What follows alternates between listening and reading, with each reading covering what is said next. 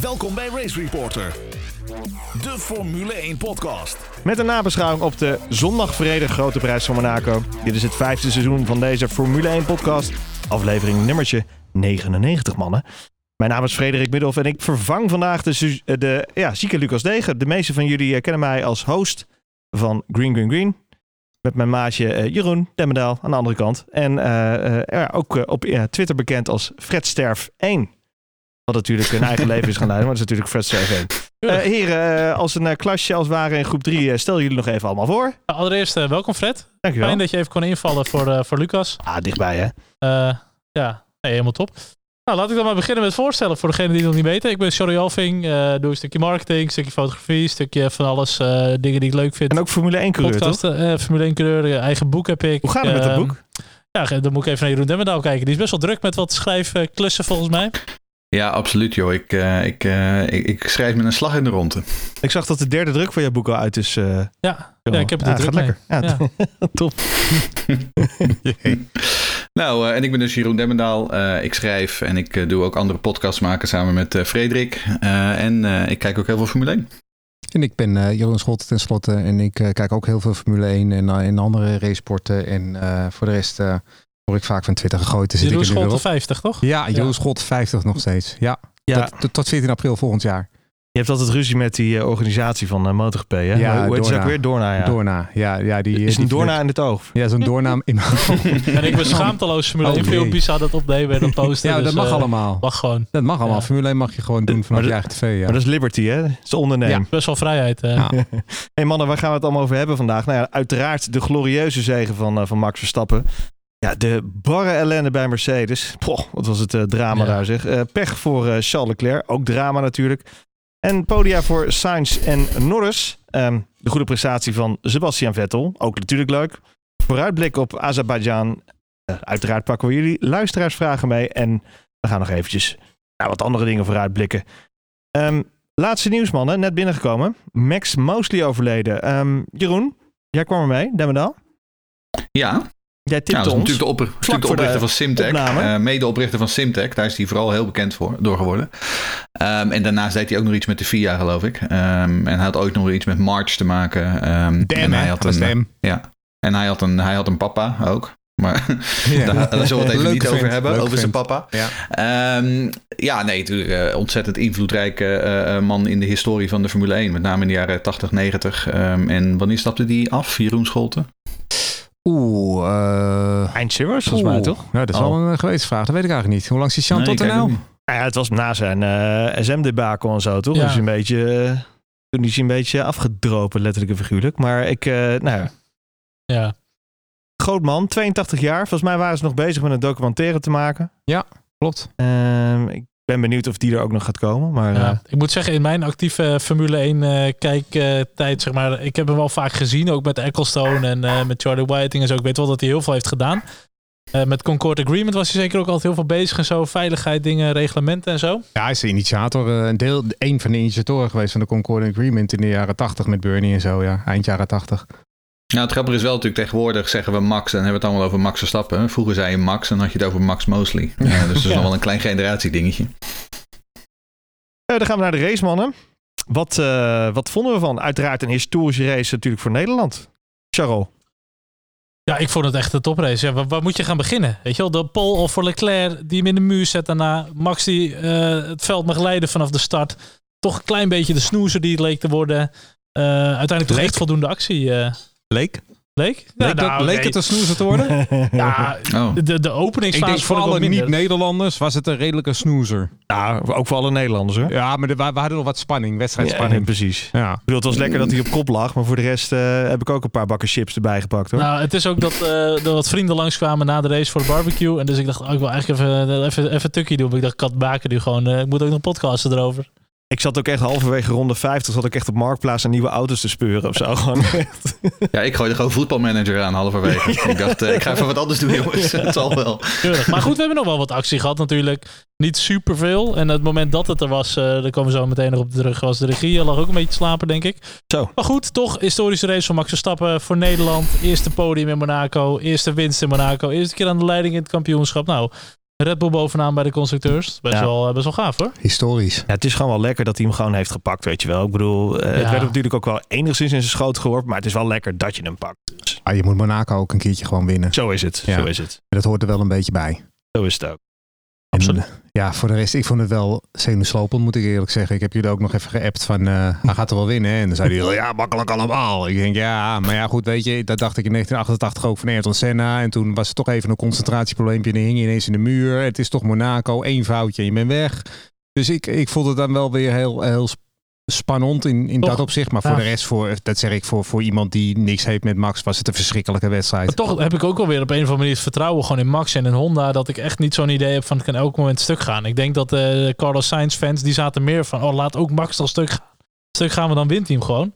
Maar ik had Nou. zelf wel het idee van dit moet wel goed komen. Maar wat ik wel moet zeggen van Monaco, kwalificatie daar is wel groot hoor. Ik Kwalificatie, kwalificatie maar gewoon dat is ook waar het hele weekend om draait, het- Ja, maar die kwalificatie is ook wel echt gewoon prachtig vind ik. En er zit dan ook wel Ja, alles in met Leclerc hoor. Moet ik eerlijk zeggen. Hij Ja. pakt echt van held naar Slemiel in één ronde gewoon eh, de pole pakken en meteen crashen en meteen einde. Ik vind het dan wel heel mooi. Vind ik wel echt Ja. typisch Monaco. Nou ja, maar het is ook het hoogtepunt van het weekend. Het weekend in Monaco, ho- eh, dat hoogtepunt, dat is op zaterdagmiddag, niet op Ja. zondag.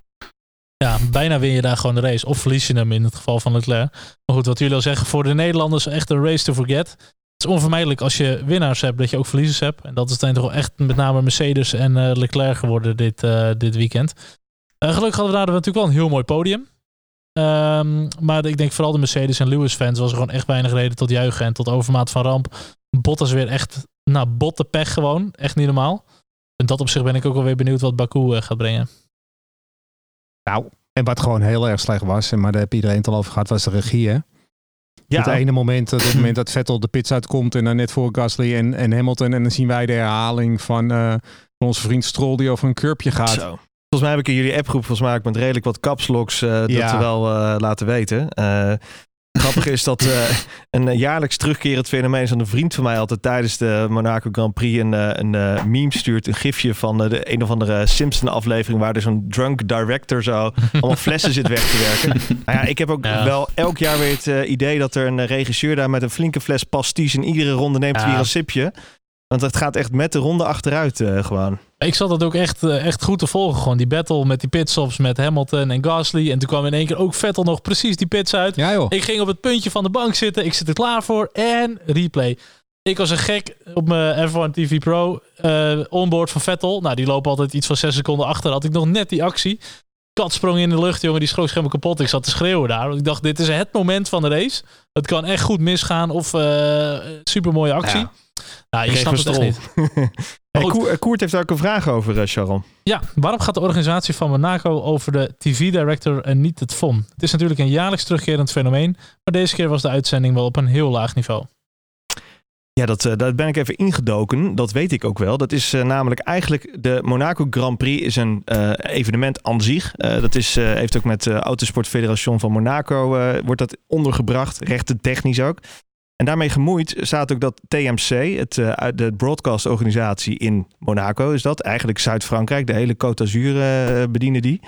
Eh, die mogen exclusief uh, al sinds begin jaren 50 uh, verslaglegging doen van deze Grand Prix. Dat is nooit gewijzigd. Dat is, volgens mij is er ook niemand, ik weet niet of iemand uh, op zijn hoofd is die daarover twijfelt dat het gewijzigd moet worden. Ik vind dat het gewijzigd moet worden.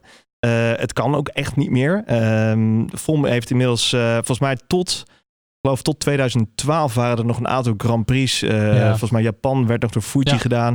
De Engelse Grand Prix werd ook nog door BBC en Sky uh, geregisseerd. Maar nu is het allemaal ondergebracht bij FOM. Het zorgt gewoon voor consistentie. En ieder jaar weer moeten we naar dit vreselijke snoesfest... die, als er iets te beleven is, wordt er weggeschakeld. Van waardeloos. Fun fact is... Uh, 20% uh, van de aandelen van deze TMC-zender is in handen van uh, de monegaskische overheid. Dus ja, het verklaart wel een hoop. Dit, ja, het verklaart best wel een hoop waarom dit uh, wel een be beetje ja, in de kiem gesmoord Je zou toch denken, als je dit al sinds de jaren 50 doet... en je hebt een weekend die donderdag al begint, notabene... Uh, met de, de, de, de Frecca, de Formule 2, de Porsche Supercup... alle trainingen, kwalificatie... dat je toch op zondag eigenlijk wel een beetje op de top van je kunnen zit... met de hardware en de software op de straat daar om een goede broadcast te leveren. Maar dat was echt... Ja, elk, elk gevecht te missen. Ook, het, uh, het is ook niet heel moeilijk om het te doen, want we hebben maar een paar gevechten gezien. Dus in principe was Ja. het ook helemaal niet zo moeilijk. Nee, ik, vond, ik was er echt van te kijken. En ook de, de inhaalactie van Mick op, eh op, eh, op Mazepin, eh, in de low hairpin. eh, dat soort dingen, dat zie je dan in rondje 20 pas of zo.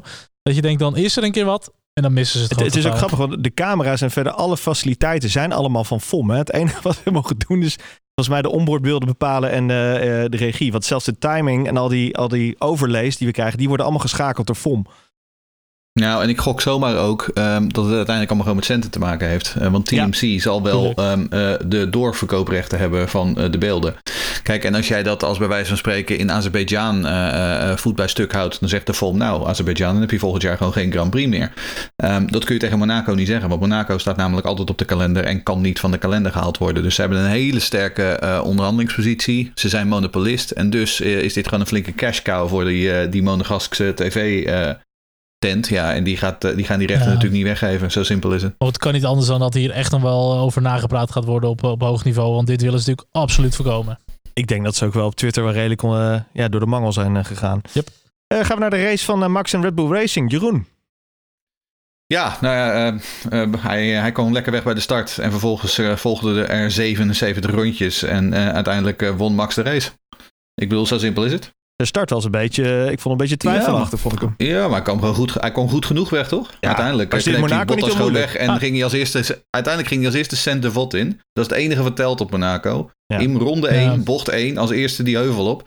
Daarna ben je, daarna ben je klaar. Want in Barcelona Eh, was het juist die eerste versnelling waarin Max toen heel goed wegkwam. En toen na het opschakelen, toen viel hij eventjes terug volgens mij. Er waren ook wat geruchten op Twitter dat hij niet helemaal goed zou staan. Ja. Hè, ten, eh, gepositioneerd ten opzichte van de gele lijn. Het scheelde weinig ja. of Bottas zat ertussen. Maar ik kneep hem echt wel gewoon goed eh, af, gewoon zonder twijfel. Nou, Bottas die, eh, die lift waarschijnlijk toch al even. Dus Dus eh, dan Scholt, had jij er nog wat van Nou, die gezien? startposities zijn volgens mij allemaal elektronisch gemeten. Dus eh, er waren wat Engelse fans inderdaad die er wat kritiek op hadden. Het is niet gek dat dat altijd helemaal Engelse fans zijn die, dat, eh, die daar iets van zeggen. Maar dat wordt allemaal elektronisch gemeten. Dus Volgens mij ook. Net, als- Ja. net als dat de Nederlandse je- fans zijn die altijd wat over Hamilton te zeggen Ja, hebben. ja, precies. Maar als je, Ja. als je goed ingelogd staat, sta je goed ingelogd. En je kan echt een valse start niet met het oog waarnemen of zo. Eh, e- eigenlijk echt nooit in gevaar geweest, hè, Jeroen eh, Verstappen.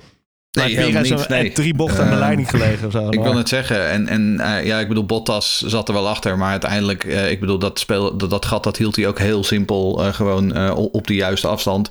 Vervolgens kwam Sainz natuurlijk later in de race erachter.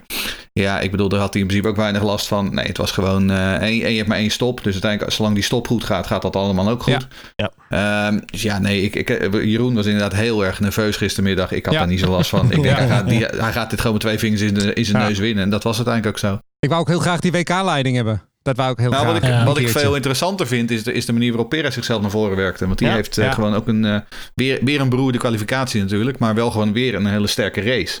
Eh, ook geholpen, zeg maar, door de, door de goede strategie van Red Bull. Eindelijk ook weer eens, hè? Want Red Bull heeft een paar keer ook al de plank misgeslagen aan Nou, het begin van het seizoen. Ja, en dat, dat kwam ook een beetje door Pierre Gasly, hè, die in die rondes uit de pits, Ja. die, waar die helemaal het erop gewoon hield. op. Dat waren Ja, hele zeker. langzame rondes van hem. En daar hebben Vettel en, eh, en onze vriend eh Perez een beetje van kunnen profiteren. Wel Maar lekker Perez deed verder ook alles prima hoor, daar gaat het niet om. Eigenlijk wat ze, we komen zo meteen op terug, wat ze bij Mercedes een beetje verkeerd deden. Het banden sparen om eigenlijk heel lang te gaan en dan toch eh undercut proberen. Deden ze juist bij Red Bull gewoon super slim. En wisten ze gewoon eh Perez ervoor te krijgen. Dat was netjes. En de banden gingen ook niet zo heel lekker bij Mercedes, maar daar komen we zo nog even op. Eh, vraag van Emiel Hermans, Jeroen. Eh, ja, die vraag waarom ging Perez niet voor de snelste raceronde? Want het inhalen van Norris was onmogelijk. Ehm, ja, nou dit is altijd zo'n kwestie van achteraf kijk je een koe in zijn hol. Eh, ja, achteraf bleek inderdaad het inhalen van Norris onmogelijk. Aan de andere kant, Norris zat eh, steen en been te klagen over de radio. De banden waren niet goed en het tempo was niet lekker en hij was moe. En hij, kreeg, hij werd gewaarschuwd door zijn engineer dat hij zijn concentratie erbij moest houden. Oftewel, ehm, Red Bull zat natuurlijk gewoon te hopen dat er op een gegeven moment een kans zou komen dat ze Norris voorbij zou, eh, zouden kunnen komen. En daar win je meer punten mee dan eh, wanneer je de snelste ronde pakt. Dus ja, uiteindelijk, eh, ik snap het helemaal. Over safe gaan. Ja. Eh, een vraag van uh, goede compaan van mij, Jelle de Jong, uh, Charles. Ja, misters. Vraag over de baan. De wijdere lijn bij Raskas, die voor een hogere exit speed zorgt, wordt niet genomen. Of niet gekozen. Rijders lijken voor een haakse bocht te kiezen. Enig idee waarom. Dat liet me gisteren niet helemaal los. Ja, ik vind het een, een, eh, een, een, Ik weet het niet 100% zeker. Maar ik heb het idee dat ze, als ze die auto gewoon wat eerder omgooien, dat ze hem recht hebben en ook wat eerder op het gas kunnen. En al, ja, als iedereen die lijn kiest, de buitenkant wordt sneller vies. Dus misschien dat, Dat daar ook sowieso, wel hè? iets, Maar goed, eh, waarom gaan ze dan in eerste instantie niet uh, die buitenlijnen? Er zijn er op zich meerdere lijnen te Er pakken. zijn zeker meerdere lijnen te pakken. Maar ja, je ziet het eigenlijk bij alle klassen wel een beetje. Dat ze hem best wel, uh, best wel krap namen, die bocht. Ja, ik weet het niet, uh, niet exact. Ik, ik heb toch het idee als je, die, als je die auto sneller draait en als hij eerder ja, rechts zeg staat... maar. Dus als je hem eerder recht zet gewoon. Dus dat spreekt alweer voor dat, voor dat haakse. Maar eh, wat, wat denk jij, Demmedal? Nou, laat ik het zo zeggen. Um, er rijden daar uh, allemaal heel erg duur betaalde professionele autocoureurs. Als er een lijn was die uh, sneller is door Raskast, dan hadden ze dat allemaal uitgevogeld. Heel snel. Um, dus ik bedoel, ik, het is een interessante vraag. Maar als, ja. dit, als dat echt sneller was geweest, dan hadden uh, de Hamiltons en de Verstappers en zelfs de Mazepins van deze wereld dat al heel snel uitgevogeld. Sowieso ook bij exit speed denk ik dat je er niet heel veel wint. Want die bocht erop, die kunnen ze ook niet heel veel harder nemen volgens mij. Dus ja, je legt toch wel wat minder meters af door hem gewoon heel kort te nemen. Ik denk dat het daar gewoon in zit. En als je dieper duikt, dan mis je denk ik ook weer gewoon uh, wat snelheid die je inderdaad meeneemt. Ja. Voor rechte stuk zelfs. En je houdt ook helemaal geen marge over. Hè? Want dat heb je een paar keer ook gezien met de Formule 2 en zo. Dat als je dan eenmaal wijd gaat daar, dan uh, hou je die bocht ook gewoon niet meer. Het is een beetje klokklepel. Ik bedoel, ze hebben gewoon nu gekozen voor die, uh, die lijn. Het zijn professionals. En ja. dan wil je ook niet meer buiten die lijn zitten. kan je niet afwijken, want dan ga je want op het vel. Op het vel, ja. ja. Dus, uh... Race Reporter. De Formule 1 podcast. Racereporter.nl we naar het weekend van Mercedes. Drama weer eens. Eigenlijk uh, sinds lange tijd. Slechts uh, zeven puntjes gescoord. Jeroen Scholte. Ja, dat is niet veel hè.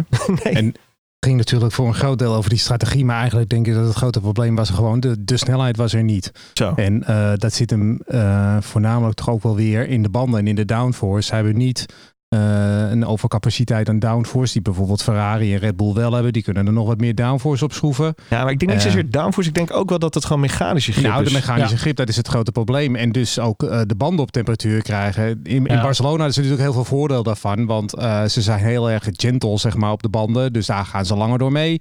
Maar het nadeel is natuurlijk op een baan als Monaco, waar je low grip hebt. En waar het in ieder geval zaterdag in ieder geval heel erg koud was. Zondag was het ook niet heel warm. Dan krijgen ze hem gewoon niet op de juiste temperatuur. En dat komt natuurlijk omdat die banden... Ja, ze zijn een beetje te gentle op de banden. Dat moet net iets agressiever allemaal. En dat, dat kregen ze niet aan het werken. En, uh, en daar komt bij, wat ik al zei, uh, ik begreep, ik had een stuk gelezen dat uh, de achterkant van de, de Mercedes van Barcelona was hetzelfde qua downforce als de achterkant van de Mercedes in Monaco. Meer oh. hebben ze gewoon niet. Ja. Uh, waar Ferrari en, en Red Bull daar dus nog wel uh, meer op die auto kunnen zetten. Meer downforce. Dat doen ze normaal gesproken niet vanwege de drag natuurlijk. Maar in Monaco maakt het niet zoveel uit. Uh, dus ja, Mercedes... Het is gewoon een rotcircuit voor Mercedes. Daar ja. komt het wel op neer. En dat, dat voorspelt voor banen als Singapore, Hungaroring... Uh, ook niet zo heel veel goeds. Maar aan de andere Nee. kant, die staan er uh, de volgende race gewoon weer hoor. En als je dan Het ook is- al zo weinig mechanische grip hebt, dan helpt het natuurlijk ook niet dat op zaterdag nog even zo'n regenbuitje eroverheen komt dat alles nee, dat, dat helpt helemaal niet. Nee. En dan koelt alles nog veel meer af, ook eh, qua baan. Dus dat helpt niet. Maar aan de andere kant, er is nu heel veel paniek en alles. Maar Mercedes, joh, die hebben dan twee, drie baantjes per Ja. jaar waar het wat minder gaat. Maar Monaco gewoon is ook wel echt een one-off. hoor. Ja, het is gewoon eh, een one-off. Het moet ik wel zeggen, het ging wel echt nog... We hadden al gedacht dat Mercedes niet super sterk zou zijn. Maar dan verwacht je Ja. ze nog wel op plek drie of zo, weet je. Ja. Het was wel heel slecht hoor. Dat moet ik dan wel ook wel weer toegeven. Maar Je zou bijna denken dat Netflix eh, bij Mercedes meedoet Nou ja, dit weekend. dat. eh. Maar ik, ik heb altijd het idee dat als het tegen zit, dan, dan hangt er ook een soort van zwaard Ja. van Damocles boven het hele team van Mercedes. Eh, dan gaat het ook gewoon echt niet. En Ja. dat is misschien die wielmoer. Daar komen we zo nog even op terug. Ook Hamilton kan dan niet gewoon zeggen, joh, we hebben gewoon even een keer een beetje de plank misgeslagen. Het ligt onze auto niet jammer. Maar die laat dan ook echt wel merken aan het team dat het bij hun Zo. ligt en dit en dat. Weet je. En dan denk je, teamplayer, weet je, je hebt zoveel kampioenschappen gewonnen. je Nou, hebt zo vaak een goede auto. Nu heb je die auto een keer niet. Joh, even rustig. Ja, ik kan je vertellen, ik zat even te luisteren naar dat, naar dat pitkanaal van hem. Of dat, eh dat onboardkanaal van hem. Eh, de, de helft is nog ineens uitgezonden ervoor. Maar Nee. hij was echt, hij was echt de bono, echt aan het janken gewoon. Echt de hele tijd aan het mekkeren gewoon. Dan denk ik ook van, ja jongen, eh, jammer voor je strategie. Maar je kunt zelf ook wel een call doen of zo. Ik vond het wel opmerkelijk, want, want heel veel mensen in Nederland vinden hem wel een beetje een zeikert en zo. Maar hij is eigenlijk altijd wel een teamplayer. Hij is altijd de eerste die naar zijn team van eh, jongens, hè, ook na, want ik heb het toevallig nog even teruggekeken vandaag, ook naar Hockenheim eh, 2019, waar ook alles misging. En die zei als eerste die zegt van ja, we, weet je, we verliezen ook als een team en we winnen als een team, dus het komt allemaal goed. Maar hij was zo vernietigend in zijn kritiek. En hij, was, hij was nu de eerste die, die het team de schuld gaf. Niets normaal. Dan denk ik toch, ja, is het toch die druk Goede daar vraag van dat- Winkelman, hè, Ja. trouwens. Echt een hele goede doorvraag van die Ja, heeft heel erg een goed, eh. Eh, echt eh, lekker gedaan. Hij zou daar iets mee moeten gaan doen met dat, eh, met dat uh, pitreporteren. misschien Ja, eh, misschien dat er er een mogelijkheid is in de Zou er niet een nieuw tv-kanaal komen of zoiets? Nee, met nee? Ja, zou kunnen, zou kunnen. Gaan we het straks nog over hebben. Ehm, we hebben een vraag van Matthijs eh Imink. Begint het er niet op te lijken dat Mercedes Bottas bewust dwarsboomt? Er gebeurt in de pit zo vaak iets wat Hamilton nooit zou overkomen. Ik vind Bottas niet sympathiek, maar krijg toch medelijden met hem. Nou, dat laatste, dat klopt. Dat ben ik helemaal met hem eens. Ik vond het eh, ook erg sneu voor hem gisteren. Eh, als je ook naar de WK-stand krijgt, kijkt, is het echt vernietigend, want hij heeft echt heel veel pech. Eh, maar dat, natuurlijk Bot, eh, wordt hij wordt hij niet moedwillig gedwarsboomd. Hè, als je gewoon realistisch bekijkt. Ehm, door het uitvallen van Bottas heeft Hamilton eh, ge- steeg hij geloof ik één plekje, wat dan twee puntjes is. En Bottas zelf had eh 18 punten in handen. Eh, wat dus ook inhield dat Mercedes bovenaan de constructeurs was gekomen. Dus, dus Mercedes doet daar echt helemaal niets, Ah. niets expres. Nee. Dat is gewoon pure pech. Ja, maar we hebben Dat ook allemaal een al- aluminium onderbroek aan en eh, 5G. eh zeg, Ik heb een aluminium hoedje op. Precies. Overigens is er wel een Russische commentator die beweert dat eh, Bottas voor eh, dat heb ik ook gelezen. naar. Mercedes gaat. En, Nee, Russell, ja. Russell. Russell naar eh, Mercedes en Bottas naar Williams. Ja. inderdaad. Ja. Nou ja, goed, dat is nu ook niet een hele boute uitspraak, denk ik. Nu moeten ze in Rusland niet heel erg serieus nemen qua berichtgeving, maar goed. Nee, maar dat is ook niet een hele boute uitspraak. Dat zou zomaar kunnen gebeuren later dit jaar natuurlijk. Maar eh, ja, weet je, het is ook een beetje... In Bottas had natuurlijk al het incident met, eh met Russell hè. op Imola was Ja. het volgens mij. Hij Ja. nu dit incident, hij is uitgevallen. Eh, hij, ja, hij was eigenlijk gewoon de snellere van de twee vandaag. Hè? Het is, Of, eh, het is van zo zuur Mercedes. dat hij dan weer pech heeft. Ik Ja, zag net is ook op de. Twitter-account van F1 hadden ze die eh, super slow-mo van die pitstop. Dat die Ja. hele moer aan, aan het hij strand een wordt beetje, geleid. hij, hij Zag stopte er wel bizar net, uit, net hoor. iets te vroeg. Ja. en Ja. waardoor die, door, door die Dat is rechtsvoor het probleem, ja. ja. was gewoon balen. Eh, Een vraag van Wouter hebben we. Ehm, ja, Wouter die vraagt: Zijn jullie ook zo geschrokken van het niveau dit weekend van Mercedes en Lewis Hamilton? En wat vinden jullie ervan dat hij zijn team zo openlijk afvalt? Ehm, nou ja, zoals we net ook al zeiden, ehm, ik ben niet geschrokken van Mercedes. Eh, af en toe zit er gewoon zo'n weekend tussen. Ehm, en dit was er zo eentje waarin het gewoon allemaal even niet mee zit. Ja, ik, ik vind wel dat Lewis Hamilton. ik, ik weet niet of het te druk is. Ik weet niet of het er is dat hij gewoon niet lekker in zijn vel zat dit weekend. Maar dit is niet de Lewis Hamilton die we gewend zijn, inderdaad. Zoals Jeroen net al zei, eh, normaal gesproken teamplayer. eh, deze keer gewoon geen enkele zelfreflectie. Want zoals ik het zag, ehm, hij zat vast achter Gasly. ehm, en Mercedes moest iets. Nou, dan, wat kun je dan doen? Ja, je kunt gewoon maar door blijven gaan eh, tot in de lengte van dagen. En dan hopen dat je op die manier posities wint. Of je kunt een undercut doen. Wat in dit geval helemaal niet zo'n gek idee was. Want ze haalden hem naar binnen. Vervolgens kwam hij vlak voor Giovinazzi weer de baan op. En had hij eh, volledig vrije ruimte van 14 seconden voor zich. Dat is het hele punt met een undercut. Op dat moment moet je dus tijd goed gaan maken. Nou, dat heeft eh, Lewis Hamilton, om wat voor reden dan ook, niet voor elkaar gekregen. Oftewel, dat is, dat is wel degelijk hem zelf aan te rekenen. Maar daar had hij het dus niet over. Want inderdaad, na afloop tegen Rick Winkelman, dan zegt hij van... nou, voor mij zijn er geen lessen te trekken hier. Opvallend, heel opvallend. Maar is het niet eh, de druk, denk je ook? Nou ja, dat weet ik niet. Misschien. Eh, aan de andere kant, ik bedoel, als je zeven keer wereldkampioen bent geworden. ehm, want hij heeft natuurlijk destijds tegen Rosberg heeft hij ook druk gehad. En daar kwam hij uiteindelijk ook gewoon boven, bovenuit. Ik, ehm, het, het was heel erg eh, niet Des Hamiltons wat hij dit weekend liet zien. Wat ik zo gek vond van die undercut. Volgens mij was die pitstop van Gasly was verre van perfect. Want ik las ook dat hij een seconde langer duurde of zo. Dus dat hij er Mm. dan niet er voorbij is gekomen. Dat is wel frappant. Maar ook qua het niveau van Hamilton. Ik denk als er één circuit is dat als je daar niet de goede flow hebt, niet te vertrouwen in de auto, niet de setup. Eh, en dat je dan ook echt niet die goede ronde rijdt, dan is Monaco wel. Want daar moet je vol vertrouwen met die auto hebben. En als Hamilton dat een keer niet heeft, ja, dan verlies je heel snel ten opzichte van de rest. En ik denk inderdaad dat het wel iets met de druk te maken heeft. Want hij is ook al begonnen met zijn mind games. Hè? Want voor, het circuit, voor, de, voor de race zei hij nog in die persconferentie van... eh, eh, I think Max has more to prove than me. Hè? Hij, hij- dus hij is er al een beetje mee bezig dat... eh, ja, hè? die wereldtitelstrijd tussen die twee. Ik heb zelf ook wel En- het idee dat die quotes soms wel een beetje worden opgeblazen. of zo. Weet je? Ja, maar dat is wel ja. zo. Maar als je ook eh, terugkijkt in de tijd met Rosberg, hij heeft altijd eh, wel, dat soort steekjes Ja. heeft hij altijd wel richting andere coureurs. Ja, jij moet dan even wat meer bewijzen dan ik en al dat soort dingen meer, weet je. Eh, en ja, en voor, voor de rest, kijk, hij had natuurlijk achteraf natuurlijk een heel groot punt over die strategie. Maar ja, James Allison die zei eh, na afloop van de wedstrijd ook terecht van, ja, weet je, eh, Lewis die had nog een rubber over, dus hij had inderdaad nog een tijd door kunnen rijden. En dat was ook zijn plan. En als Gasly dan naar binnen was gegaan, dan zei maar wie zegt dat Gasly naar binnen was gegaan? Gasly had ook nog 30 rondes door Ja. kunnen rijden. Dus, en, en gewoon hem kunnen kofferen. Ja. En, en, dus je weet niet hoe het was uitgepakt. Maar ja, toegegeven, het pakt er nu heel slecht uit. Ja. Maar, Maar, dit is dat exact, is ook een beetje pech. Maar dat is exact het punt. Want ik bedoel, de enige reden dat Gasly meteen de ronde daarna naar binnen ging... was natuurlijk omdat ze gewoon zaten te wachten totdat Mercedes een keer een Ja. undercut ging doen. Die reageert. Dus ja, ik bedoel, achteraf kun je zeggen van ja, nee, maar Gasly ging ook al in ronde 26 naar binnen. Dus ja, dan hadden we langer door kunnen rijden. Ja, maar weet je, elke actie heeft een reactie. En Ja. dat vergeet Hamilton echt in dit, in dit hele verhaal.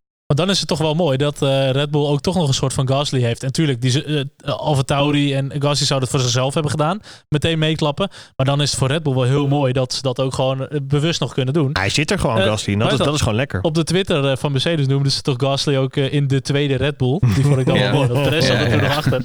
Dat is wel Nou, zuur. die heb ik niet gezien. Nog Dat een vraag van uh, Maga Kamar. Ja, Magge Kamar. Die vraagt, Hamilton gaf gisteren na de race eh, dat hij verwacht dat Baku Red Bull beter zal liggen dan Mercedes. Waar ligt dat aan en wat betekent dit dan voor de rest van het seizoen qua circuits?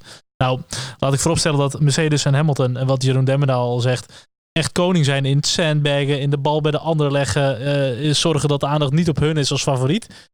Ehm, Oké, en in Monaco zat het tempo er niet in bij Lewis. Uh, Baku is echt wel weer totaal anders hoor. Ik verwacht echt wel dat de Red Bull en Max er versterkt voor de dag komen. Die hebben ook het momentum. Maar goed, lange rechte stuk daar zo. Uh, ja, ik weet het niet hoor. Voor de rest van het seizoen. Je hebt nog zoveel verschillende banen die Mercedes al echt gewoon weer goed gaan liggen.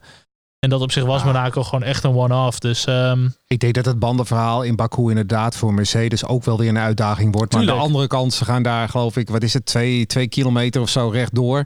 Daar pakt hij weer, ja. daar pakt hij gewoon weer 15 ah. op max. Hè? Dus, dus ja. zo is het gewoon. Het is gewoon een beetje een raar uh, circuit ook. Hè? Een echt een uh, eclectische mix. Ik bedoel, het is natuurlijk een soort Singapore-Monaco-achtig binnen, binnenstukje daar met het kasteel en bij die burcht. En dan gewoon twee kilometer lang rechtstuk. Bizar. Ja, ik ben wel, ik ben wel positief, uh, um, positief verrast over hoor, door Baku de afgelopen jaren. Um, want ik, ik weet ja. dat het toen aangekondigd werd. En toen dacht ik, oh, dan krijgen we weer zo'n AstroTurf ding als in Sochi. Dat wordt weer drie keer niks. Maar het is wel een echt stratencircuit. Um, met echt hele krappe bochten, zeg maar. En gewoon ja. goede, levert goede races op. Maar verder ben ik het met Charles Leens ik, en, en, met Jeroen ook. Ik denk dat Mercedes op dat rechte stuk alleen alweer een halve seconde pakt. Kijk, Monaco, dat is echt, echt zoveel echt langzame bochten. En wat ik al zei, in langzame bochten kan je ook veel meer tijd winnen. Uh, dus Monaco is echt geen benchmark voor uh, de rest van het seizoen. Nee, denk ik ook niet. Guido Piquet uh, heeft ook een vraag, jongens. Wat vinden jullie van de potentiële flexwing voor achtervleugelprotesten van Red Bull en Mercedes? Alles voor de titel of irritant en kinderachtig? Das mocht immers ook een seizoen. Ja, daar is op, uh, op, op Twitter ook van alles over te doen. Ja, DAS heeft er helemaal niets mee te maken, vind ik. Want DAS was gewoon een legaal systeem toen Mercedes het erop zette. En dat is eh, pas in een later stadium uh, is het was verboden. Dus dat had er helemaal niets mee te maken. En flexwings, dat, dat is nou eenmaal, ja, vleugels mogen in principe, alle aerodynamische onderdelen mogen in principe niet buigen of bewegen uh, op een bepaalde marge na, die nou eenmaal, die ze altijd bewegen. Hanteren, ja. ja, die ze altijd hanteren.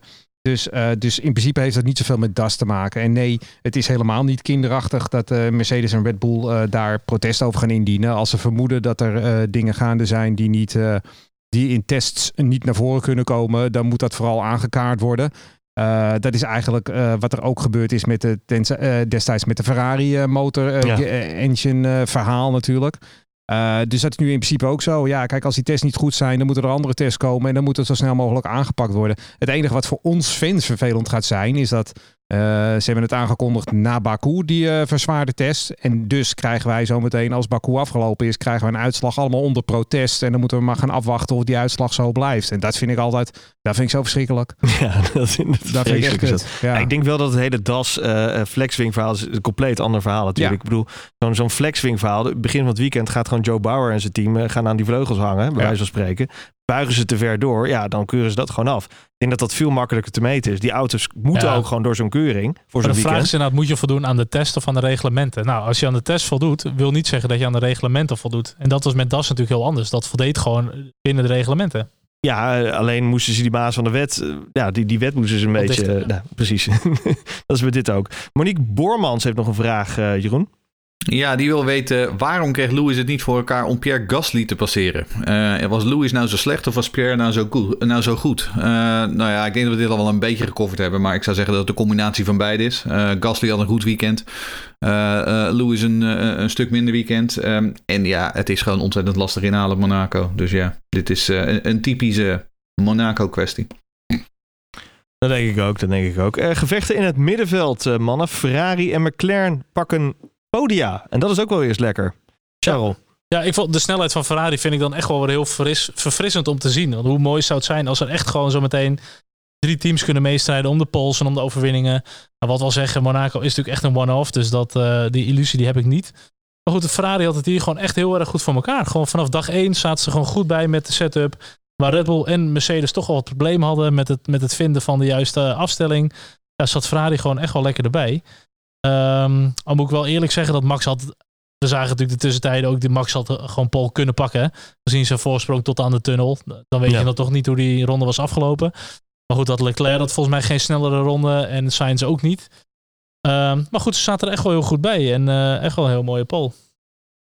Nou, dat niet alleen. Sainz had bijna die wedstrijd kunnen winnen. Hè? Want op, op zaterdag eigenlijk uh, Eh, kijk, daar kan je die wedstrijd winnen eigenlijk. En op Hij was zaterdag... zuur hè, op zaterdag. hij was, heel zuur, was Ja. heel boos, hij was heel pissig. Maar hij had ook eigenlijk die ronde, dat, eh, de, de, de eerste ronde in Q3, was hij de eerste twee sectoren sneller geweest dan Leclerc. Alleen hij verprutste zijn ronde in Raskas. En toen werd hij maar vierde, want Ja. in de Raskas maakte hij een fout. Eh, had hij die niet gemaakt, had hij op pol gestart. En dan was hij voor Max begonnen. En dan had ik nog maar moeten zien, dat. Ferrari zomaar kunnen winnen daar. In vrije Dus lucht gewoon dan eh, ja, vanaf daar in de Raskas, Raskas Ja. ging het eventjes mis inderdaad. Maar goed, verder gewoon erg tof. Eh, uiteindelijk toch nog een podium voor Sainz. Zaten er gewoon heel erg goed bij. Ehm, zijn natuurlijk wel echt het team van zowel de winnaars als de verliezers. Met Sainz op eh, podium, eh, eerste podium voor Ferrari. Maar Sainz was natuurlijk gewoon echt wel bijzonder zuur. Ik vind, nou, en, en nog wel eventjes compliment, complimenten maken voor Sainz. Ik vind Sainz, zeker van alle mensen die over zijn gestapt, ik vind hem echt indrukwekkend dit jaar hoor. Ook hoe, Ja. hoe die, die dit hele weekend weer gereden heeft, hoe snel die is ten opzichte van Leclerc. Ik vind hem echt heel goed. Nou, ik was nooit echt eh, een, een Sainz-fan. Maar goed, dat is misschien omdat hij natuurlijk naast Max zat. En je had een beetje die strijd. Maar goed, hij gaat wel gewoon van team naar team. En hij doet daar zijn ding. Hij, eh, mensen vinden hem toch wel aardig. En hij doet het ook echt wel goed en zo. Dus ja, ik vind het ook wel leuk om te zien dat hij gewoon zijn eigen pad kiest. En niet zegt ik ben afhankelijk van Red Bull. Maar ik ga gewoon mijn eigen weg.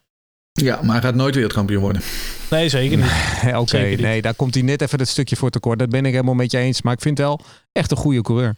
Hadden ze bij Red Bull nu kunnen, kunnen, goed kunnen gebruiken. Dat wel. En vergeet, Ja. En we hebben ook nog McLaren eh, met Nello Norris. Stond ook op het podium. Lekker gedaan. Daniel Ricciardo. Waar was die dan? Ja, Ricciardo, dat vind ik wel een hele, hele lastige. Dat is wel echt een dingetje. Weet je, hij is nog nieuw bij het team. Hij had echt niet zo'n goede kwalificatie. Dan start je in het middenveld. Eh, je kan niet inhalen, maar ik kwam ook gewoon niet echt mee en zo. En dan op een gegeven moment word je gewoon op een ronde gezet door je teamgenoot in een gelijkwaardige auto. Zonder dat je echt grote problemen hebt gehad. Ja, dat is ook best wel pijnlijk hoor. Ja, ik geloof niet dat Ricciardo het helemaal kwijt is of dat hij nooit talent heeft gehad. Maar wil het gewoon niet werken met die auto dan? ja, de komende races gaan wel wat crucialer worden, denk ik, voor hem nu. Ook in elk geval Lando Norris wel eh, strak eh, op het podium. Ja. Zeer keurig gereden, denk ik zo. Ja, maar ook eh, Ricciardo was dit weekend heel slecht. Maar voor de rest valt het ook allemaal wel mee. Hè? Ik bedoel, hij staat in de race, staat hij gewoon 3-2 voor op Norris. En in, in, die, in kwalificatie 3-2 achter. Het, is niet heel slecht of zo. Alleen je mist net even, omdat je, hij is een dure aankoop van buitenaf met een miljoenen salaris. Dus je verwacht daar net iets meer van. Maar eh, op Monaco na valt het ook allemaal nog wel mee hoor. Ja, ik denk dat hij ook gewoon vooral een, een off-weekend had hier. Eh, Ja. Een beetje à la Hamilton. Eh, Hamilton kon ook gewoon, kreeg gewoon dat ding niet, eh, niet draaiende. En Ricciardo gewoon vanaf het begin. Ik geloof, wat was, het, wat was het toen hij zich als dertiende gekwalificeerd had? Toen zei zijn engineer, nou, we hebben je toch wel weer wel wat naar voren geholpen. dat vond ik een hele tekenende Ja. opmerking. Want dat laat Ja, wel ja. merken hoeveel problemen ze daarvoor dus hadden. Maar goed, verder eh, Norris, ja, ik vind dat dan wel weer een soort van heldenrit hoor. In, eh, in die fantastische golf livery. Die, nou, dat zeiden we ook al op de foto, zag hij er echt subliem uit. Op video kwam hij er wat minder uit. Maar goed, weer een andere discussie. Maar ik vind die, die one-off liveries vind ik echt super gaaf. En er is ook wel eens geopperd om Monaco te gaan gebruiken als een soort van historische race voor de teams om met wat oude liveries te gaan rijden. Of speciale liveries of zo. Ja, super cool. Maar dat maakt de actie nog steeds niet beter op het circuit. Nee, nee, maar. zeker niet. Zeker niet. maar goed, qua Lando Norris, die, die weet veel al wel echt gewoon de zaterdag nu goede ronde eruit te knallen in die McLaren. Om volgens in de race ook gewoon echt wel optimaal te presteren. En gewoon echt goed te rijden. En, en tuurlijk, Leclerc valt weg, Bottas valt weg, Hamilton is nergens te bekennen. Weet je, hij staat er wel. En ik vind het toch wel mooi om te zien ook hoor. Die, die chemie tussen eh, eh, Norris en McLaren. Dus echt wel netjes. Hij staat gewoon derde in het kampioenschap nu voor Bottas. Nou, begin er maar aan. En nieuw contract, hè? Ja, Ook Ja. nog. ook lekker. Gewoon Terecht. eventjes... eh, Ja. Voor drie jaar toch, geloof ik zelfs. Ja, Ja, meerdere multiple, jaren, ja. multiple year. jaren, dus ja. het zal wel min- minimaal twee zijn. Minimaal met twee. een paar Met opties erop, denk ik. Ja. ertussen. Ja, dat is Ja. natuurlijk disclosed, een deal. Ehm, we waren nog even de eh, vraag van onze grote vriend Dennis Burgersdijk Dennis, vergeten. ja. Nog even terugkomen op Ferrari. Dennis, die slaan we natuurlijk nooit over. Ehm, hij zegt, vonden jullie het ook zo'n grote verkeerde gok van Ferrari om eh, niet in de nacht zijn versnellingsbak te wisselen? Ik snap dat Paul belangrijk is voor hem en het team, maar als team ga je toch op safe, dan maar vijf plaatsen terug en toch punten? Of zie ik dat Mhm. verkeerd? Ja, ik vind dat zelf echt een hele lastige. Kijk, achteraf praten is het super makkelijk. Want nu zeggen we allemaal, ja, hadden ze echt moeten doen. Echt dom dit. Maar weet je, enerzijds de boel voor niks gaan vervangen. Dat is ook super duur. Eh, je bent weer een versnellingsbak kwijt. Je wordt naar achteren gezet. Je gaat sowieso niet winnen. Eh, tuurlijk, dan is altijd Sainz had een plekje opgeschoven. Eh, Dan ga je om podia vechten. Maar ja, ik snap ook wel dat ze het risico een beetje nemen hoor. Want die track position is zo belangrijk. Ze hebben alles gecheckt wat ze blijkbaar konden checken. Ja, als er dan niks aan de hand was, dan had Leclerc gewoon nu de held van Monaco geweest. En, en nu heb je niks. Ja, gegokt en verloren. Nou, gegokt en verloren, exact. Ja, maar het punt is, het was niet eens de bak. Hè. Het, was de, het, Ja. het was de linker Aandrijf. uh, achteraandrijf was. Ehm, en ja, het, het, het punt is, we hebben nog steeds geen eh, apparatuur waarmee je dan even aan de binnenkant van zo'n dingetje kunt kijken. Want dat is het probleem. Eh, kijk, het zou best kunnen dat er iets stuk was daar. En dat bleek uiteindelijk wel. Maar ja, eh, eh, je kunt het van de buitenkant niet altijd zien. Ehm, we zagen het dit weekend overigens ook in de, in de Indy 500 qualifying toen eh, Will Power de muur raakte. Na, af, Ja. na, na afloop, ja, toen gingen ze vanaf een afstandje even kijken, want je mocht niet aan de auto werken. Eh, ja, je kunt het niet zien, dus je moet maar, Nee. het is godzegende de greep. Nou, dat heeft Ferrari nu ook gedaan. Die hebben geprobeerd, ze hebben besloten van, dit is Monaco, hier eh, boven alles moet je track position hebben. We gaan de gok nemen. Ja, en eh, helaas. Had die vijf plaatsen bakwissel ook niet meer uitgemaakt. Af natuurlijk. Eh, maar ik moet wel zeggen, als je die crash zag, eh, een beetje die zijwaartse impact, dat wiel hing natuurlijk scheef. Ja, ik had me niet kunnen voorstellen dat die, dat die geen problemen zou hebben. Echt niet. Ja, ik wel. Ik vond die, eh, de, ah, de, de, de versnellingsbak zit achterin. Zo hard ging hij er achterin niet in. Hij ging met zijn voorkant erin. En toen Wel. sloeg hij door naar zijn achterkant. Dus ik vond het allemaal nog wel meevallen Ja, op zich. Zijwaarts, heel hè? veel- Zijwaarts, Ja, je altijd heel- lastig. Je kan heel veel ultrasoon testen. Ja, en dit hebben ze Ja. waarschijnlijk net niet. Ja. Ja. Maar het was dus niet de bak. Het was dus de, de Nee, het was de en als je dan Ja, dat inderdaad bedenkt, en Ja. als je dan bedenkt dat dat rechter achterwiel een beetje op half zeven hing, dan denk ik van ja, weet je, dat is. Ja, Maar dat dan zeg vind ik wel, zeg maar, als je dan over veiligheid hebt, je gaat wel iemand weer in de Formule 1 auto op volle snelheid eh, de baan opsturen. Als er dan iets misgaat. Nou, je ja, op die, Spa eh, doe je dit niet, denk ik. Nee, dat denk ik ook Vroeger niet. hadden ze die, eh, die zondagochtend warm-up, hè? Ja. Die, ook daar die kan je toch gewoon, daar die- kan toch ook gewoon kapot rijden? Ja, maar die hadden ze nodig gehad nu. Ja, nee, maar goed, de, de, de- je kan ook zeggen, oh, we doen een warming-up en je rijdt hem dan aan strand. ja. Ja, Eh, eh, Ja, dat kan Dan heb je ook, nog maar probleem. Dan bekijk ja, jij in het die, tijd, in negatieve. die tijd mocht je dan na de warm-up ook nog werken aan je auto namelijk. Ja. Ehm, Ja. Ja. En, da- En dat daarom- het was dat Mark Gallagher inderdaad die het suggereerde. Ja. Van vroeger Ja. hadden we iets Ja, heel ja, moois ja. op zondagochtend. Ja. vroeger was alles beter. Vroeger was alles beter. Nou, dat maar sowieso. een zijwaartse impact blijft altijd nog lastig. Nog een vraag van eh, Ronald van Bakel. Hebben jullie een idee hoe moeilijk het is om een kapotte aandrijfstang te zien als een auto niet rijdt? Het lijkt heel gek dat zo'n groot team dat niet kan zien voordat de auto gaat rijden. Nou ja, goed, hebben we het net al een beetje over gehad. Het is ook nog eens zo dat een auto staat onder Park Vermeer rules. Hè? Dus je mag alleen maar vervangen wat er kapot is, zeg maar. Dingen, je gaat niet, je mag niet voor de zekerheid dingetjes gaan vervangen of iets. Iets moet echt kapot zijn, mogen ze het, willen ze het mogen vervangen. En ehm, ja, ze hebben dus blijkbaar niet gekeken naar de auto, eh, naar de kant van de auto waar die niet geraakt is. Of in Dat ieder was geval ook niet goed genoeg. linksachter of zo. En dus ze hadden toch ook zoiets Ja. gezegd van dat is eigenlijk niet het gebied waar ze Nou, zich ze op gefocust zelfs- hebben of zo. Ze hebben zelfs gezegd, maar ja, ik, dat lijkt mij wel raar hoor, dat het ook niks te maken heeft met die klap zelf. Maar ja, dan hebben ze wel heel veel pech gehad dit Ja, dat zou ik ook wel, zeggen. Ja, dat zou ik eigenlijk ook zeggen, ja. ja. Dan heb je gewoon slecht materiaal. Dus dat is natuurlijk ook Ja. onzin. Eh, Eline Droogmans. Ja, die vraagt: is Daniel Ricciardo. Nou, ze vraagt eigenlijk: is Daniel Ricciardo overschat als coureur? Maar ik gok dat ze Daniel Ricciardo bedoelt. Eh, nee, natuurlijk is Daniel Ricciardo niet overschat als coureur. Ehm, hè, de man rijdt al heel lang in de Formule 1, heeft races gewonnen, heeft pols gereden, heeft snelste rondes gereden. eh, is zelfs een keertje derde in 2K geworden, geloof ik. Ehm, tuurlijk is die man niet overschat. Hij heeft gewoon een off-weekend en daar hebben we ze allemaal wel eens last van. Ehm, maar verder, nee. Zelfs Sebastian Vettel is niet overschat. Want die liet het dit weekend ook gewoon zien dat hij ook gewoon nog steeds uitstekend kan rijden. Daarnaast hadden we ook nog de eerste punten voor Sebastian Vettel bij Aston Martin. En ook gewoon direct eh, dikke vette 10 punten in de bag gewoon. En dat is toch denk ik echt gewoon oplichting voor, de oplichting voor de Duitser hoor. Dat je gewoon eindelijk nu punten bij nu, ja, oplichting ook sowieso hoor. Die vraagt zoveel geld die man. Oplichting ook. Ja, en hij staat voor Stroll nu. Dat vind ik heel Ja, fijn. Ja, één puntje. Ja. Oh. En we hebben twee waterpunten hè, erbij. Even Hey, twee waterpunten. ja, twee precies. stuks. Ja, ja. Heel blij mee. Dus, eh nee, maar goed, dubbele punten finish. Lance Stroll ook gewoon eh aardige race gereden. Ja, eigenlijk heel weinig te klagen denken bij Aston Martin op dit Nou, die, moment. die, die, vooral hoe die over de curbs ging was zo mooi. Dat we dat, Oh. eh, dat, we dat zo Ik, in eh, mooi in de herhaling hebben kunnen ik zien. had het even een beetje 60 gemist. frames. eh, Fantastisch. Ik heb dat helemaal gemist. Ja. Was je over een curb gegaan? dan? ja, ja, ja, ja. Een paar keer herhaald geweest. Oh nee, heb ik Ja. echt helemaal niet gezien. Misschien dat ze even vaker moeten laten zien dan. ging ook echt hard over die curve. Ja, ja. Dat Matrix-achtige beelden kwamen er. eh. Ja. Ja. Dat is echt heel mooi.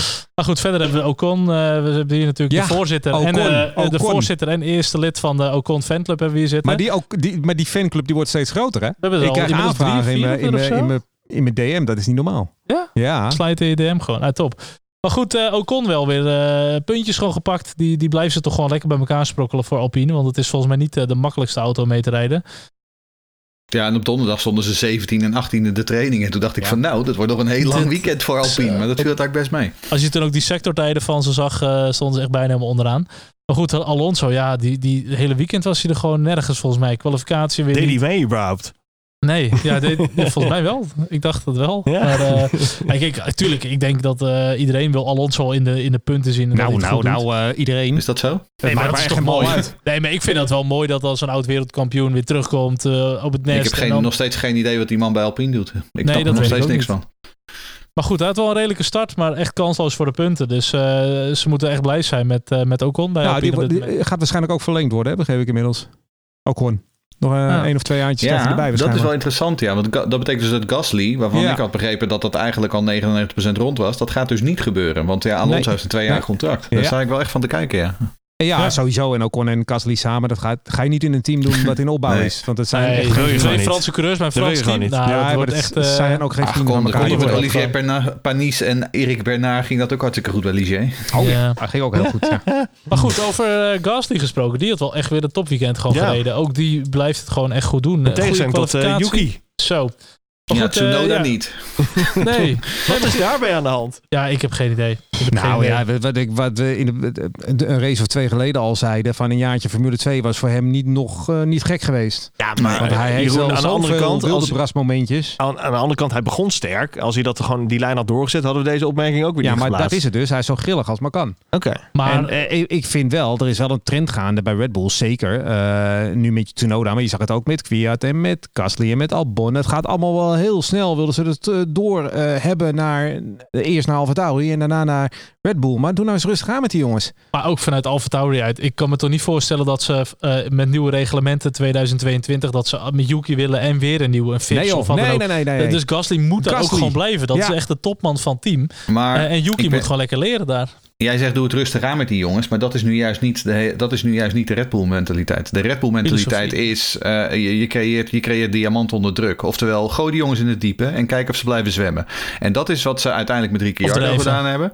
Eh, ja, ik wil zeggen, blijven ze drijven. En dat hebben ze met Ricciardo gedaan. Met Max Verstappen werkte dat. Want, dat, want uiteindelijk, en dat hebben we wel eens eerder over gehad. Red Bull is maar naar één ding op zoek. Dat is de volgende wereldkampioen. Ze zijn niet op zoek naar de volgende coureur die mooi zeven in een 2K wordt.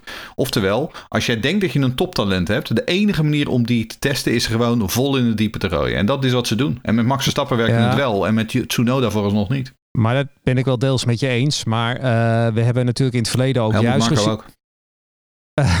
Ja, maar in het verleden was ook diezelfde Helmut Marco overigens. Bij, eh, bij Toro Rosso hebben we Fern en Buemi en Alguersuari. Die hebben er allemaal drie jaar gezeten. En uiteindelijk is het Ja. niet geworden. Dus daar had hij veel meer rust en veel meer tijd om die jongens te laten ontwikkelen. En dat waren ook mijn ziens jongens die best nog langere carrières in de Formule 1 hadden kunnen krijgen. Want die waren best goed. En ik ben het met je eens. Hè, ze willen gewoon graag de nieuwe Max Verstappen en de nieuwe Sebastian Vettel. En dat, maar dat zijn nou net die type coureurs die wel na eh, een jaartje Alfa Tauri al door kunnen stromen. Maar alles wat daar net onder zit. En dan hebben we het dus al over een heel, heel acceptabel niveau coureurs. hè. Dat is de je het rest. over Ja. de. Carlos Sainzen van deze wereld. Ja, die, die kunnen gewoon, als je ze gewoon iets meer tijd geeft, dan ontwikkelen ze zich tot een uitstekende coureur hoor. Kijk, en buiten het feit dat Max echt natuurlijk een mega ultra goed talent is, is hij natuurlijk ook gigantisch goed begeleid richting de autosport. Daar heeft hij heel kort ingezeten, maar niet al die coureurs hebben dat. Hè, terwijl die misschien echt in potentie wel echt een diamant kunnen worden. Ah. Dus je, ik snap wel, je moet ze in het diepe gooien. Anderzijds moet je ze ook wel goed begeleiden en de tijd geven. Dus Ja, Ja, maar lastig. Tsunoda heeft wel gewoon eh, de Red Bull en de Honda steun. Hè? Ik bedoel, dat zijn natuurlijk Ja, geen koekenbakkers. Dus ik bedoel,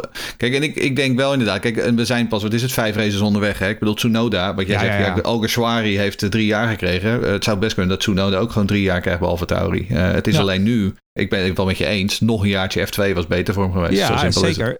Het is ook een Japannetje die eh, naar Europa komt. Hè? Zo. En eh, dat is ook nogal wat hè, voor zo'n jonge jongen. Hij is Mm. voor mij 20, dacht ik. Nou, Een grote eh, mond van Japanner. Ja, heb een hele grote mond die, die heel vaak geëdit moet worden en weggeknipt moet worden inderdaad. Maar nee, maar het is ook wel een hele cultuurschok voor die man om in Europa Ja. te gaan wonen. Dus een jaartje Formule 2 in de Lute was, was niet zo gek geweest. Niet zo gek geweest. Nog heel even refereren naar Sainz. Want jullie zeiden van ja, Sainz was op zich, die heeft zich daarna ook wel uitgevleugeld. Maar Sainz vond ik eigenlijk bij uitstek de enige coureur die Max Verstappen echt gewoon een beetje weerstand heeft gegeven. tegenstand. Nou, ja. Ricciardo. Tegenstand, ja. En Ricciardo, ja. Ricciardo, ja. Maar in, in dat, in dat Toro Rosso jaar, ik bedoel, hij stond kwalificatie was het echt, ging dat altijd om duizendsten. Maar als je dan ziet dat we het nu al vijf races hebben over ja, er zijn coureurs zijn geswitcht van team en die hebben toch echt wel vijf, zes races nodig. Kijk Max naar Red Bull. Natuurlijk, die had daarna ook echt wel wat tijd nodig. Maar die stond er wel gewoon meteen hoor. Ja, en ik ben Halverwege het seizoen hè, niet kunnen testen in die auto niks. mee eens dat Sainz best wel redelijk dicht op Max zat destijds. Maar Sainz die had ook al een aantal jaren Ja, autosportervaring. en. Max die had Dat is waar. 23 races of zo gereden. Ja, en uiteindelijk dus heeft Max hem gewoon afgetekend verslagen Ja. hoor. Ja. punten zeker. in En, en, punten en wel, ook op. Racecraft wel dat jaar, zeker Maar weten. toch wel Ja. mooi dat dit dan nog de eerste keer is dat Max gewoon aan de leiding gaat in een kampioenschap. eh autosportkampioenschap. Nog Gewoon nooit ergens aan de leiding nee, gelegen. Nee, sinds Dat karting niet meer. Nee, klopt. Ehm, nog iemand die wel lekker gaat. Antonio Giovinazzi. Eindelijk van de hatelijke nul punten af. Ja, Alfa Romeo is van de, van de hatelijke nul punten af. Die hebben wel één hele punten nu. Eh, nou, dat zijn er toch al. eh, dat is toch al de helft van wat ze vorig jaar bij elkaar gereden hebben, geloof ik. Of hoeveel? Eh, nee, ik wil Giovinazzi. wat ik mooi vind aan Giovinazzi is dat die. ehm, eh, om eerlijk te zijn, ik snapte de. En dat heb ik al eens vaker gezegd. Ik snapte geen reet van dat Ferrari Mick Schumacher niet in die auto zette.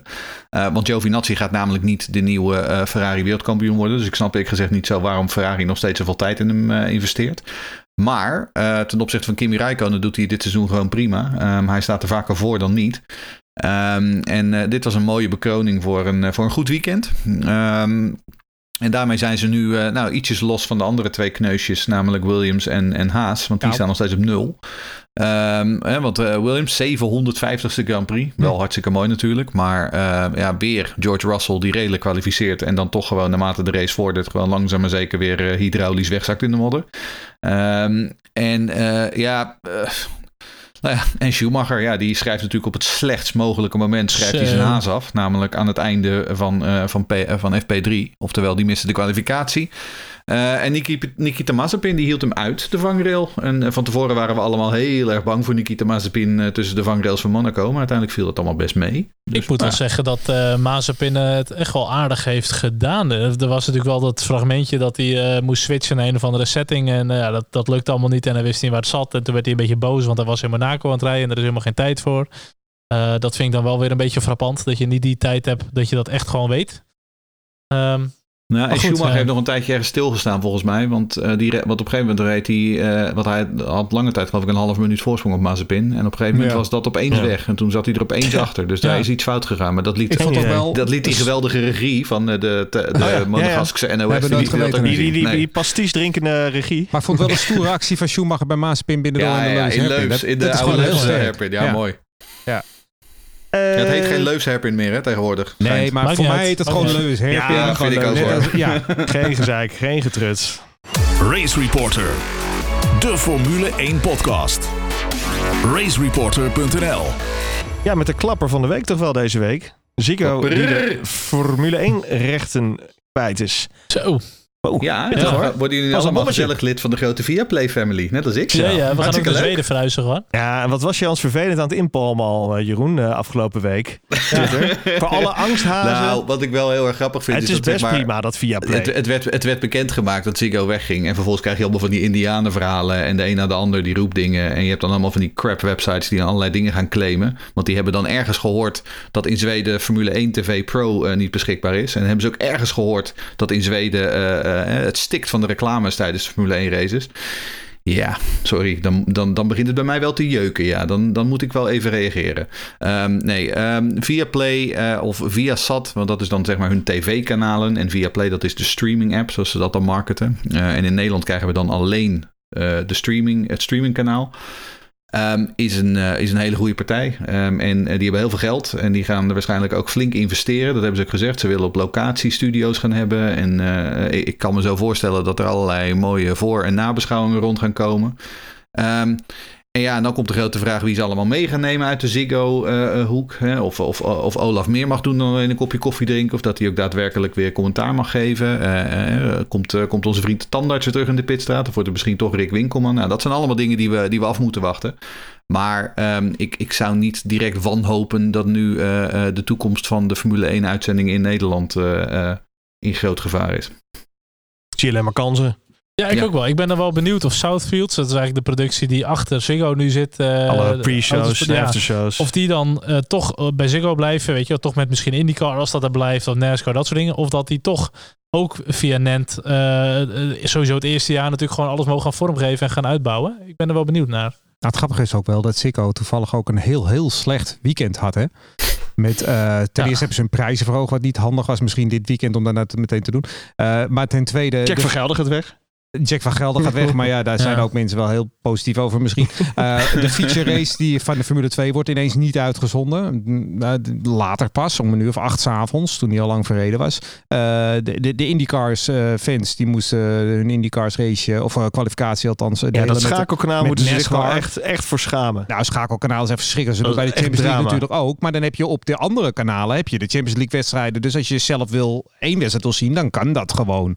Maar eh, alleen switchen en verder geen mogelijkheid hebben, dat is gewoon helemaal ruk. Nee, dat is gewoon Maar dat is dus het voordeel van een streamingplatform. Want op een streamingplatform heb je niet die beperking. Eh, want hier is het, Nee, je ziet het ja. hier vaak bijvoorbeeld eh, met, met de voetbal. Ehm, eh, kijk, dan, wat ik, ze hebben hier bijvoorbeeld ook de eredivisie-rechten in, eh, in, in Zweden. Ehm, ja, en als Ajax Feyenoord speelt, dan zenden ze dat uit op het grote Viasat eh voetbalkanaal. Maar als ik graag naar MRKC wil kijken, dan kan ik via via Play gewoon naar Niemand MRKC kijkt kijken. naar MRKC. Niemand. Even als er Nee, maar, maar het kan kijkt. wel. Maar dat is dus, je, je Ja. hebt dus die beperkingen niet meer qua programmering.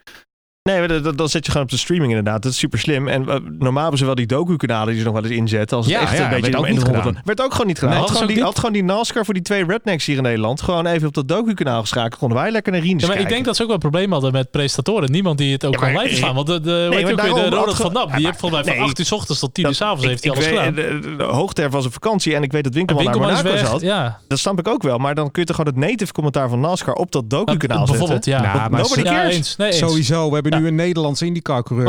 Hoezo kom je met NASCAR? Zet, dan, Ja. dat dan desnoods Ja. wat later uit. Ja, maar wat Nou Fred ja, zegt, doe wat- dan met native. eh, Maar wat ze hier dus veel doen inderdaad, is bijvoorbeeld de Formule 2 krijgen wij standaard hier met het Engelse commentaar van Alex Jakes en Alex Brundle. Nou, en dat Ja. is geweldig commentaar. Eh, Alles hebben en, als ze, de vrije als ze de vrije trainingen van de IndyCar laten zien, ja, die zenden ze hieruit, eh, dan krijg je dat met Amerikaans commentaar. Ehm, wat ik denk, ehm, en, en daar hoop ik eigenlijk voor een hoop Nederlanders op, dat, als ze, dat ze dezelfde strategie als hier in Zweden gaan doen. Want wat ze hier hebben gedaan in de afgelopen jaren, je hebt hier een, een concurrent eh, streaming, dat is dan eh, Seymour, dat is het oude Canal Plus. En die hadden vroeger ook heel veel sportrechten. Maar in de afgelopen jaren heeft Viasat en Viaplay hebben eigenlijk alles wat los en vast zat, hebben ze erin gekocht. Dus eigenlijk op dit moment kun je niet meer om Viaplay heen als je, als je live sport wil zien. Het enige wat ze hier nog laten zien is geloof ik de nationale ijshockeycompetitie. En dat is dan nog wel redelijk populair hier. Maar verder zit alles bij Viaplay. Ehm, en dat is eh, denk ik waar je op moet hopen dat ook IndyCar, dat MotoGP eh, en een hoop voetbal, dat dat uiteindelijk ook gewoon in de komende jaren naar Viaplay gaat. Ja, en dan is het, eh, is het die, eh, die, de, de, de gewraakte 40 euro per maand. Ja, ik vind het het allemaal waard. Ja, wat, wat ik hoop en misschien ook wel een beetje denk, is dat, dat ze misschien met Southfields gaan beginnen.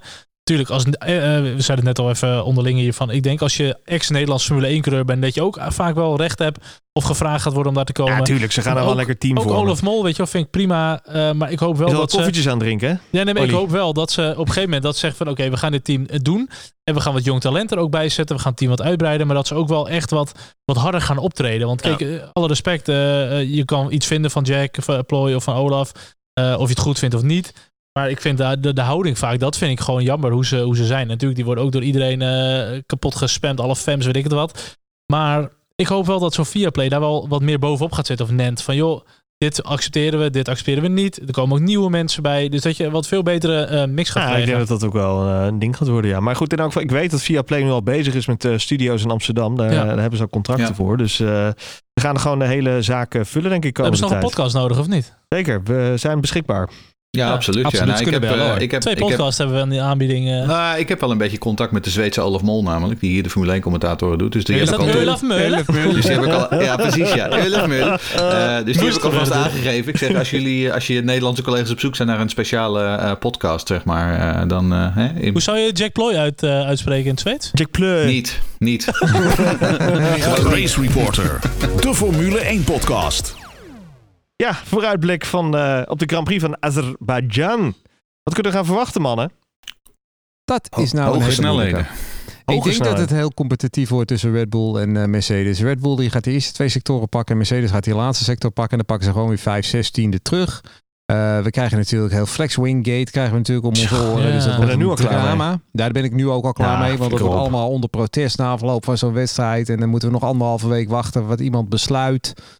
Ehm, maar ik denk wel dat het een hele leuke race gaat zien. Want net als wat Jeroen eerder al aangaf, dat, dat circuit van Baku, toen we de layout zagen, dachten we allemaal, jezus. Hoe lang staat hij alweer op de kalender eigenlijk? Sinds 2017. Dus Volgens mij 17 twee boutraces Nee, gehad. 16. 16. De 16, Rosberg ja. won de eerste, maar toen was de Grand Prix van Europa en de Grand Prix van Azerbeidzjan is sinds 2017. Toen kregen we een toffe... Volgens mij één, één Ricciardo, hè? slecht jaar gehad en daarna twee echt bizarre races gehad. Ja, eh, hartstikke, ja, we hebben natuurlijk ook eh, de crash gezien eh, tussen Max en Ricciardo. Dat was ook een heel mooi momentje. Stroll op, het, Zo. po- Stroll op het podium. Stroll op het podium.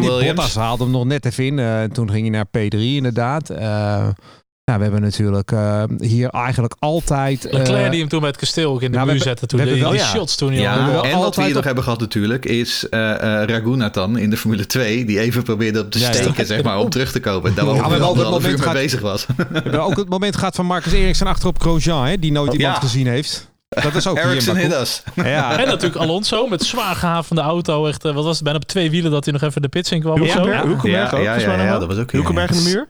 Dat zou kunnen. We hebben natuurlijk Vettel gehad, die expres eventjes tegen, eh, tegen Hamilton aan ging rijden. Eh, Ja. Maar wat we hier ook gehad hebben vooral, dat zijn vier pole positions die alle vier gewonnen zijn. Altijd door de auto met de snelste motor. Hè. Drie keer de Mercedes en in 2019 was het Ferrari. Dus ik Ja. denk dat die pole position voor Lewis Hamilton of Valtteri Bottas hier best wel En- weer goed kan komen. Ook 20 miljoen rijders die hem altijd even omdraaien. Daar dat stuk vlak voor de burcht. Wat ze Ja. laat in- inremmen. Ja, ja. Ja. dat- En dan goed, even een donut ja. moeten doen. Maar Misschien Alpine, hè? 1000 pk.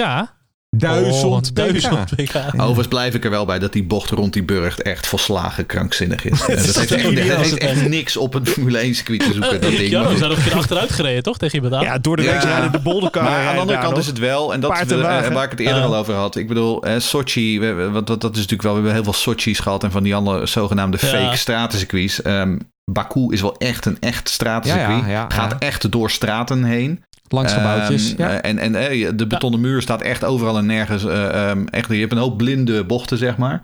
Ehm, en het is, het is een uitdagende baan. Een hoop, dus ik, wat dat betreft vind ik het wel echt een toevoeging aan de kalender. En het is ook DRS hebben, hè?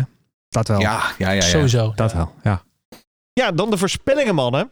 Ja, Ja, Fred, jij mag eh, voor het eerst nu de voorspellingen gaan doen. Je bent uh, waarnemend voor Lucas? Ik moet zeggen, je bent een Ja, wildcard of wel voor zichzelf. Oh. Mag ook voor zichzelf. Dan hoor. ga ik, Maar eh, dat- Mag ook. ja. Dan mag Ja. eh, Daniel, eh, die houdt het altijd keurig voor ons bij. Onze vaste, Ja. vaste fan eh, Daniel. Ik ben er met. IndyCar ben ik altijd heel goed in natuurlijk. Hè? Ik bedoel, ik voorspelde vorig jaar ook dat de pol zou gaan naar eh, Michael Andretti. Ja. Michael Andretti. Nou, Michael Ja. Andretti, nou, bijna. Had hij hem bijna of niet? Hij had hem bijna, ja. was Hij het niet maar Marco 230 Andretti? mijl tekort. Maar was het niet. Marco? Nee. Het was niet Marco. Maar, nee, sorry, Marco, ja. Eh, de voorspelling. Ja, ik denk op de eerste plaats natuurlijk weer Lewis Hamilton. Volle glorie gaat hij terugkomen. Eh, ik denk dat Lewis is de persoon die eh, harder terug kan slaan eh, na een debakel. Dus ik verwacht dat hij gewoon ehm, volle bak op de eerste plek komt staan. Valtteri Bottas 2. En ik denk Max Verstappen op een derde plaats. Tiende plaats denk ik Sebastian Vettel. Ik ga voor eh, Hamilton 1. eh, Bottas 2. Norris 3. En ik ga 10 voor ehm, Fernando Alonso. En wat gebeurt er met Max dan? En die Duitse ja, PK. ja, dit, dit is einde verhaal. Die wordt vierde.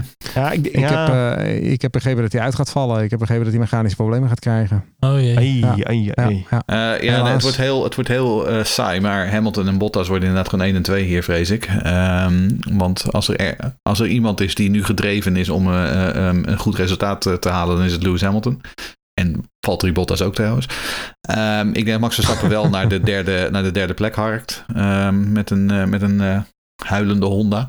Ehm, en de tiende plek gaat naar ehm nou, eerherstel, Yuki Tsunoda. En we kunnen wel allemaal zeggen Bottas. Maar eh, het laatste berichten zijn dat die band er nog steeds niet af is. Ja, die moeten met de Dremel gaan ze daar Ik had dus ook op Instagram. Ik had heel die foto helemaal bewerkt dat het helemaal zwart was. Alsof het nacht was. En toen om 1 uur s'nachts was ik nog wakker. Toen had ik geïnstagramd. Ze zijn nog steeds bezig met die band. Voor de Ja. gein. Toen werd ik 's ochtends wakker of zo te kijken. Oh, zit er nog steeds op. Ja, ze zitten letterlijk met, met Goed. eh, slijptol moeten ze aan de gang daar. De De. Grand Prix van Azerbeidzjan, hij eh, vangt aan iets eerder dan we gewend Hij zijn. moet nog. ik, ik ga het ook nog voorspellen trouwens. tuurlijk, hoor. sorry. Ja, nee, Nee, sla maar over joh, die show. Ja, niet, niet dat ik weer altijd, hè? Zo jammer dit. Ik ga voor eh, ook één Hamilton, want ik ga gewoon niet afwijken hoor. Maar ik denk wel dat Max eh, in de kielzog eh, mee kan. Bottas P3 en eh Vetteltje eh, P10. Gewoon puur voor de waterput. De Grand Prix van Azerbeidzjan 2021. Hij is eh, iets eerder dan we gewend zijn. Normaal gesproken natuurlijk om eh, drie uur. Maar eh, ja, hey, die gekke Russen daar, die hebben natuurlijk een iets ander tijdstip. Eh, twee uur beginnen we. En, Zei je nou die gekke Russen daar? ja, dat is een beetje de Russen kerk gewoon. daar. Maar dat maakt niet uit. Het zijn een soort. Oké, ja, nee, goed. Oké. Turkmenen. Laat, laat ik me niet. iets uitleggen over de Sovjet-Unie en over hoe Ja, ik- uiteen viel. ik- ik- ik- een klein geschiedenislesje. Ik denk dat de mensen met hamer en sikkel achter mij aangaan. Dus ik ben zo meteen met piepen de bandje weer weg. Mannen, we gaan kijken. We gaan eh, de voorspellingen afwachten. Eh, ik vond het in elk geval heel erg tof om eh, voor jullie eh, te mogen... Of ja, voor Lucas te mogen stand-innen. En eh, ik Ja, hopen dat hij, snel de, dat hij er snel weer is. Want ik, ik Dat vond dus er helemaal niks, Fred. Echt Nee. drie keer niks gewoon. De volgende aflevering is natuurlijk ook de honderdste aflevering van de Race Reporter Ja. podcast. Ja. En daar hebben jij Fred natuurlijk een heel, eh, heel grote bijdrage ook in gedaan al. En, eh, Dus eigenlijk moet je de de volgende keer gewoon weer bij. eh, gewoon zeg maar alle voormalige leden Nou, gewoon weer terug. Sowieso, ik ben natuurlijk eh, verwacht eh, begin juli, eh, dan verwacht ik vader te worden. Dus dan ga ik zeker wel een aantal keer overslaan. Dus dan ben je ook weer van harte welkom. eh, mocht je, Moet ook even die moeken, zijn. die moeken weer loswijken daar bij nu.nl. ja bijvoorbeeld, Ja. ja. Maar goed, eh, voor degene die nog eh, voor de honderdste aflevering een kleine donatie willen doen. Wil je ons supporten, ga dan ook even naar f1podcast.nl slash support. En we hebben nog mokken. Mokken, ja. Mokken voor mensen die nog mokken, mokken willen lekker kopen. mokken. f1podcast.nl slash mok. Precies.